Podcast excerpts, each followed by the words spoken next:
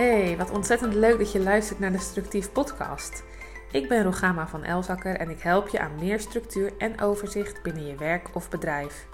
Als je wel eens denkt, hmm, dit kan efficiënter en doelgerichter, dan is deze podcast voor jou. Als structuurcoach krijg ik heel vaak de vraag: maar hoe doe jij dat dan? In deze podcast geef ik antwoord op die vragen door een eerlijk inkijkje te geven. Maar ik hoop je ook te motiveren en inspireren om er zelf mee aan de slag te gaan. Want uit ervaring kan ik zeggen hoeveel rust en tegelijkertijd focus het me geeft om een planning op orde te hebben. Zo realiseer ik mijn dromen en doelen op het gebied van werk en dat werkt niet alleen door in mijn bedrijf, maar ook in mijn gezin. En dat gun ik jou ook. Maar ik wil jou en mijn tijd uiteraard nu ook effectief besteden. Dus laten we snel beginnen. Ja, het is dan nu echt zover. Op het moment dat eh, deze podcast online komt en jij hem kunt luisteren, dan is mijn zwangerschapsverlof echt ingegaan. Ik ben dapper doorgegaan tot de 36 weken, al zeg ik het zelf. Maar ik ben nu wel echt heel blij dat het zover is. Ik had met 34 weken wel zo'n punt dat ik dacht: oh ja, ik had nu ook met verlof kunnen gaan. Maar goed, ik heb het nog even vol kunnen houden. En ehm, ja, die twee weken, daar geniet ik straks extra van achteraf. Het is ook wel echt tijd nu om lekker in mijn bubbel te kruipen of in onze gezinsbubbel om me voor te bereiden op de komst van de baby. En uh, ja, dat gaat toch echt wel een stuk makkelijker dan als je nog aan het werk bent. Plus ik had ook niet echt meer de energie om, uh, om te werken. Uh, ik heb de laatste weken vaak ook geen hele dagen meer gewerkt. Dat is het voordeel als je ondernemer bent, dat je daar zelf eh, een beetje je eigen keuzes in kan maken. Dus uh, dat was ook wel weer heel fijn. Dat was ook wel echt het voordeel. Maar goed, deze podcast gaat over hoe ik mij heb voorbereid op mijn zwangerschapsverlof. Ik kreeg regelmatig de vraag: maar ligt je bedrijf dan echt helemaal stil? En het antwoord is ja. Best wel spannend natuurlijk. Dat was echt wel anders bij de zwangerschap van Suze, want toen werkte ik nog in loondienst. Um, trok ik de deur achter me dicht en dacht ik, nou ja, ik zie wel hoe er over een maand of vier, hoe de vlag erbij hangt. Ik wist dat mijn taken overgenomen waren, dat mijn mailbox in de gaten werd gehouden. En ja, dat gaf me zo'n relaxed gevoel en het lukte me daardoor wel heel goed om dat los te laten en te ontspannen. Um, maar ja, nu is dat anders. er is niemand die mijn taken overneemt, niemand die mijn mail leest, niemand die mijn administratie doet. Uh, maar ja, dat loskomen zoals ik dat kon, zoals bij de eerste zwangerschap, toen ik nog in loondienst werkte, dat wil ik nu wel weer graag. Dus hoe dan? Um, en ik neem je mee in wat voorbereidingen die ik heb getroffen, die me gaan helpen hopelijk. En dat verwacht ik ook echt wel, om uh, mijn werk en mijn bedrijf voor een tijdje ook los te kunnen laten. En sommige dingen zijn onvermijdelijk, want ja, zo moet ik straks in oktober btw-aangifte doen. ik heb een hele fijne boekhouder, maar ik moet wel zelf de bonnetjes in, uh, invoeren. Het zullen er gelukkig niet veel zijn, maar dat moet ik wel doen tijdens mijn verlof. En als er mailtjes binnenkomen, is er niemand anders die ze leest. Dus als ik iets op wil pakken, of waarvan ik denk van nou, dit is echt belangrijk, dan zal ik dat zelf moeten doen. Um, en ja, dat vind ik ook niet erg. Het is natuurlijk dus niet zo dat ik helemaal niks kan doen, maar ik kan het wel beperken tot hele kleine en vaak praktische dingen.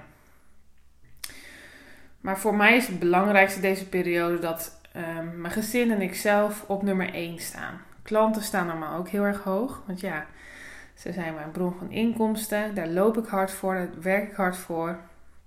Daar doe ik hard mijn best voor. Maar deze periode staan ze op een wat lager pitje. Ik ga niet zeggen dat ik niet met ze zal mailen of contact zal hebben. Uh, maar als dat niet nodig is of niet aan de orde is, dan, uh, dan is er geen contact. Of in die zin, dan heeft dat dus totaal geen prioriteit. Maar goed, hoe heb ik me voorbereid? Een aantal dingen. En de eerste, dat is een hele praktische voor als jij uh, ook zelfstandig ondernemer bent en zwanger bent of misschien in de toekomst zwanger wordt. Ik heb mijn ZEZ-uitkering aangevraagd. Ik denk tenminste dat je het zo uitspreekt. Maar dat is een uitkering bij het UWV voor zelfstandige uh, ondernemers die met zwangerschapsverlof gaan. Dus doe dat vooral als je zelfstandig ondernemer bent, want het is natuurlijk zonde van je geld om dat niet te doen. Je hebt wat dat betreft dan dezelfde rechten qua bijvoorbeeld aantal verlofweken als dat je in loondienst hebt. En je krijgt daarvoor het minimale loon als uitkering. Zo even op adem komen, merk ik. dat, uh, daar moet ik me altijd wel bewust van zijn als ik een podcast opneem. Maar nu even wat extra. Maar uh, dat begrijp je denk ik wel. Het tweede wat ik gedaan heb en wat echt wel een van de belangrijkste dingen is, is dat ik al echt geruime tijd communiceer richting mijn huidige en ook potentiële klanten dat ik half juli met verlof ga. Mensen zien het natuurlijk inmiddels aan me. maar hierover duidelijk zijn, dat helpt echt, heb ik gemerkt. Ze weten waar ze aan toe zijn. Er zijn zelfs mensen die alsnog in een traject zijn gestapt en die vinden het geen probleem dat dat traject nu even voor een aantal maanden op pauze gaat. Nou ja, ze vinden het misschien wel jammer natuurlijk. Of tenminste, de mensen die ik nu deze laatste weken nog spreek, die geven wel aan van, ah, jammer. Maar ze vinden het ook prima. En ik kan ze ook op dat moment ongetwijfeld weer verder helpen. En dat vind ik ook super bijzonder, want dat mensen zo graag door mij geholpen willen worden. Um, dat ze het vertrouwen en het geduld op kunnen brengen om tijdens mijn verlof te wachten, echt heel fijn. En door die duidelijke communicatie van mijn kant zijn er ook al potentiële klanten die aangegeven hebben dat ze aan het eind van het jaar met mij aan de slag willen. Dus nou ja, ik ben ontzettend blij dat er gewoon een lijst is met mensen die ik kan gaan bellen voor het maken van afspraken op het moment dat mijn verlof uh, voorbij is. Um, ja, en verder heel veel praktische zaken in mijn communicatie, zoals een duidelijke afwezigheidsassistent uh, op mijn mail, een uh, ingesproken voicemailbericht waarin ik duidelijk communiceer wanneer ik weer terug ben, en berichten op social media. Dus je hoort het denk ik al, het draait hierbij echt om het managen van verwachtingen. Als je duidelijk bent in wat er wel en niet kan, dan is dat vaak een stuk minder erg voor een klant. En dat geldt natuurlijk voor heel veel situaties. Hè? Dus niet alleen voor als je met verlof gaat, maar ook met vakantie of nou ja, misschien in privé situaties. Heel vaak wordt het dan gewoon geaccepteerd en is het prima. Terwijl je misschien van tevoren wel in gedachten had dat het wel problemen op zou kunnen leveren, maar dat hoeft dus helemaal niet zo te zijn. Um, ik merk dat het altijd heel erg meevalt als je gewoon duidelijk bent in je communicatie daarover. Ik moet wel bekennen dat ik met verlof gaan als ondernemer wel wat spannender vind dan, uh, dan in loondienst. Zoals ik al zei, als werknemer kon ik alles prima loslaten en wist ik dat het niet van mij afhankelijk was. En nu is structief wel van mij afhankelijk. En ik hoop, en daar ga ik ook echt mijn best voor doen, om het echt ook los te kunnen laten. Want ik vind het echt heel belangrijk dat het een periode van rust is. Of nou ja, rust. dat gaan we straks meemaken met een newborn in huis en een peuter. Ik heb me dan ook echt wel voorgenomen om niet eerder te gaan werken dan het eindigen van mijn officiële verlof. En ik kan me zo voorstellen dat ik echt wel in die verleiding ga komen. Ook natuurlijk afhankelijk van hoe het gaat zijn met de baby. Maar Suze was een hele makkelijke baby, dus daar deed ik echt wel weer dingetjes naast. Ik was gewoon actief bezig in die drie maanden dat ze geboren was.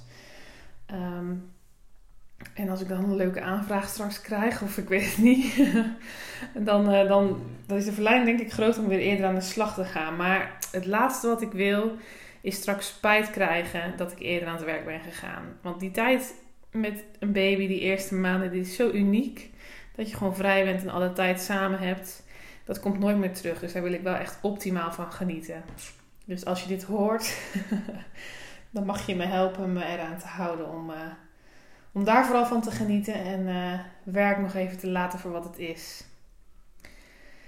En er is nog iets, want ik heb nu genoemd uh, nou ja, die uitkering die je aan kunt vragen, die ik aangevraagd heb.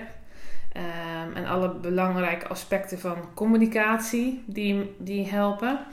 Uh, om me voor te bereiden op mijn verlof. Maar er is nog iets heel belangrijks um, wat ik vind, of wat ik heb gedaan ter voorbereiding. Uh, dat is het volgende. Ik ben natuurlijk vrij planmatig en ik maak dus ook plannen voor mijn verlof. Klinkt een beetje gek misschien, maar laat het me uitleggen.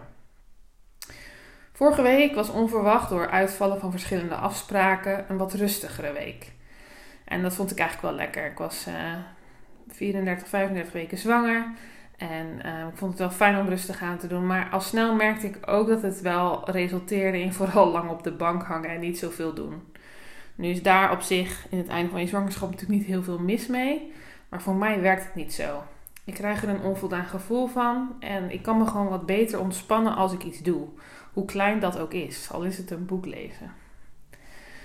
Dus voor mijn verlof, voor nu in elk geval het gedeelte van nu tot aan het moment dat de baby komt, weet natuurlijk niet wanneer.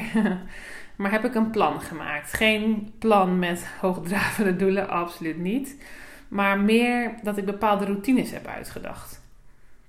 De komende weken zal Suze nog twee dagen per week naar de gastouder gaan. En dat zijn dus dagen dat ik uh, alleen ben en daar zie ik heel erg naar uit. De dagen met haar zijn ook gezellig hoor, maar soms wel intensief nu. Um, dus die dagen dat ik alleen ben, wil ik, ik wil voorkomen dat ik haar heb weggebracht, vervolgens op de bank plof en er niet meer vanaf kom en haar aan het eind van de dag weer ophaal. Dus ik wil daarin bepaalde routines aanbrengen, dat ik voor mezelf gewoon wat duidelijkheid creëer en uh, wat kleine dingen om te doen, zodat ik wat voldoening krijg en uiteindelijk dus ook beter kan ontspannen. Zo werkt dat voor mij. Nou, zo wil ik dan eigenlijk een dag opsplitsen in vier delen. Klinkt ingewikkeld, maar is het niet. Um, de eerste helft van de ochtend, de tweede helft van de ochtend en de eerste helft van de middag en de tweede helft van de middag. En dan kan ik per deel beslissen wat ik ga doen. Zo kan ik bijvoorbeeld beginnen met een deel wat ik wat huishoudelijk werk doe. Al is het wat was wegwerken. Want ja, die neemt geen verlof. Die gaat altijd door. En wordt straks natuurlijk alleen nog maar veel meer. En een deel dat ik wat babyvoorbereidend werk doe. Ik heb nog uh, nou ja, de kleertjes te wassen, maar ook nog wel dingetjes uit te zoeken van de spullen van Suze. Waarvan ik denk, wil ik die bewaren of kunnen die weg? Um, dan kan ik bijvoorbeeld begin van de middag zeggen, nou ik ga een poosje in bed liggen. En even slapen of misschien hobbyen. En een deel dat ik bijvoorbeeld naar buiten ga. Even fietsen, dat, dat lukt nog wel. Een, een lange wandeling zit er niet meer in. Of dat ik ook ga hobbyen. Maar zo probeer ik zonder de lat voor mezelf hoog te leggen. En natuurlijk te blijven luisteren naar waar ik behoefte aan heb, waar mijn lijf behoefte aan heeft. Toch um, ja, op een planmatige manier met mijn verlof omgaan. Probeer het zo goed mogelijk uit te leggen. Ik hoop dat je me begrijpt. Want door voor mezelf routine aan te brengen, helpt me dat gewoon. Juist ook uiteindelijk om te ontspannen. In plaats van alleen maar lustloos op de bank te liggen en uh, ja, verder niet zoveel te ondernemen. En ik ben ook benieuwd hoor hoe dat gaat. Um, de vorige keer heb ik dat volgens mij ook wel gedaan. Dat ik in elk geval nog een to-do-lijst van dingen die ik wilde doen. Was niet altijd even verstandig dat ik de badkamer nog een grote beurt ging geven. Waar ik vervolgens een paar dagen last van had. Dat zal ik nu niet meer doen. Maar wel um, ja, voor mezelf bepaalde routines. Want anders kunnen de dagen ook heel lang worden. Zeker als ik over tijd ben. Want dat weet ik niet. Maar dat was ik de vorige keer tien dagen. Nou ja, dan ben je het op den duur ook wel zat. De dagen dat ik met Suze zal zijn, is het wel wat anders. Maar ook dan heb ik wel een soort plannetje. Want inmiddels is mijn ervaring dat ik met haar gewoon het beste wel iets kan ondernemen. Iets wat mijn lijf aan kan. Uh, en iets waar zij eventjes de gang kan gaan. Want als ik op de bank ga liggen in haar bijzijn, dat werkt over het algemeen niet zo goed. Daar worden we regelmatig allebei uh, zagrijnig van. Gelukkig slaapt ze nog in de middag, dus dat zijn de momenten dat ik wel echt rust kan pakken. Maar ik heb een lijstje gemaakt met dingetjes die ik, uh, die ik met haar kan doen. Dat zijn echt geen hele ingewikkelde dingen hoor. Maar ergens even een theetje drinken. Of wat een boodschapje doen. Of naar de speeltuin. Of naar het strand. Nou ja, dat ik toch zo met haar ook actief kan blijven. En als ik dan even niet weet wat ik moet doen, dat ik dat lijstje er even bij kan pakken ter inspiratie. Nou, en uiteraard zijn er nog veel meer dingen die ik heb gedaan om me voor te bereiden. Zoals het geboorteplan wat klaar ligt. De geboortekaartjes die zo goed als klaar zijn. Ehm, het kraampakket wat in huis is. De klossen zijn vandaag bezorgd. Die mogen straks nog onder het bed. Maar goed, daar zal ik je allemaal niet mee vermoeien. Want die dingen kun je in genoeg lijstjes uh, op Google terugvinden. Nou, dit is dan wel voorlopig de laatste podcast. Ik laat even open wanneer ik het weer oppak. Misschien heb ik wel zin om tussendoor uh, weer eens een update te geven. Um, of misschien gewoon weer in november als ik weer aan het werk ga. Ik ben in elk geval zeker van plan om de podcast weer op te pakken. Mede dankzij jullie positieve reacties die ik elke keer weer krijg als ik een nieuwe podcast online heb gezet. En dus daar ben ik echt heel blij mee. Dank je wel daarvoor. En uh, blijf dat vooral doen, want dat helpt mij om met plezier de podcast te blijven maken. En ook te weten dat het iets is waar, ja, waar je wat aan hebt. Um, en waar ik een ander mee kan inspireren. Dat is echt super fijn. Nou, ik wens je een hele mooie zomer toe. Als je dit luistert op het moment dat het online komt. en dan dus een hele fijne dag als het geen zomer meer is. Stuur me gerust een um, berichtje op Instagram dus. Als je, om te delen wat je ervan vindt. Of deel de podcast in je stories. Of laat een review achter op iTunes. Daar word ik uh, heel blij van. Mocht je met plannen en structuur aan de slag willen gaan en nu behalen dat ik met verlof ben, dan attendeer ik je graag op de cursus van idee tot resultaat, die gewoon beschikbaar blijft. Voor een hele kleine investering krijg je toegang tot deze cursus die je helpt om van een vaag idee een actieplan te maken. Misschien wel een idee waar je al lang mee rondloopt, maar nog niet de tijd hebt genomen om ermee aan de slag te gaan. En met dat actieplan weet je vervolgens precies wat je wanneer moet doen om resultaat te behalen, zodat jij en of je bedrijf gaat groeien. Kijk op www.structief.nl slash cursus en je kunt direct van start. Ik herhaal hem nog even. www.structief.nl slash cursus. Nou, ik wens je voor nu een hele fijne dag toe en tot de volgende keer.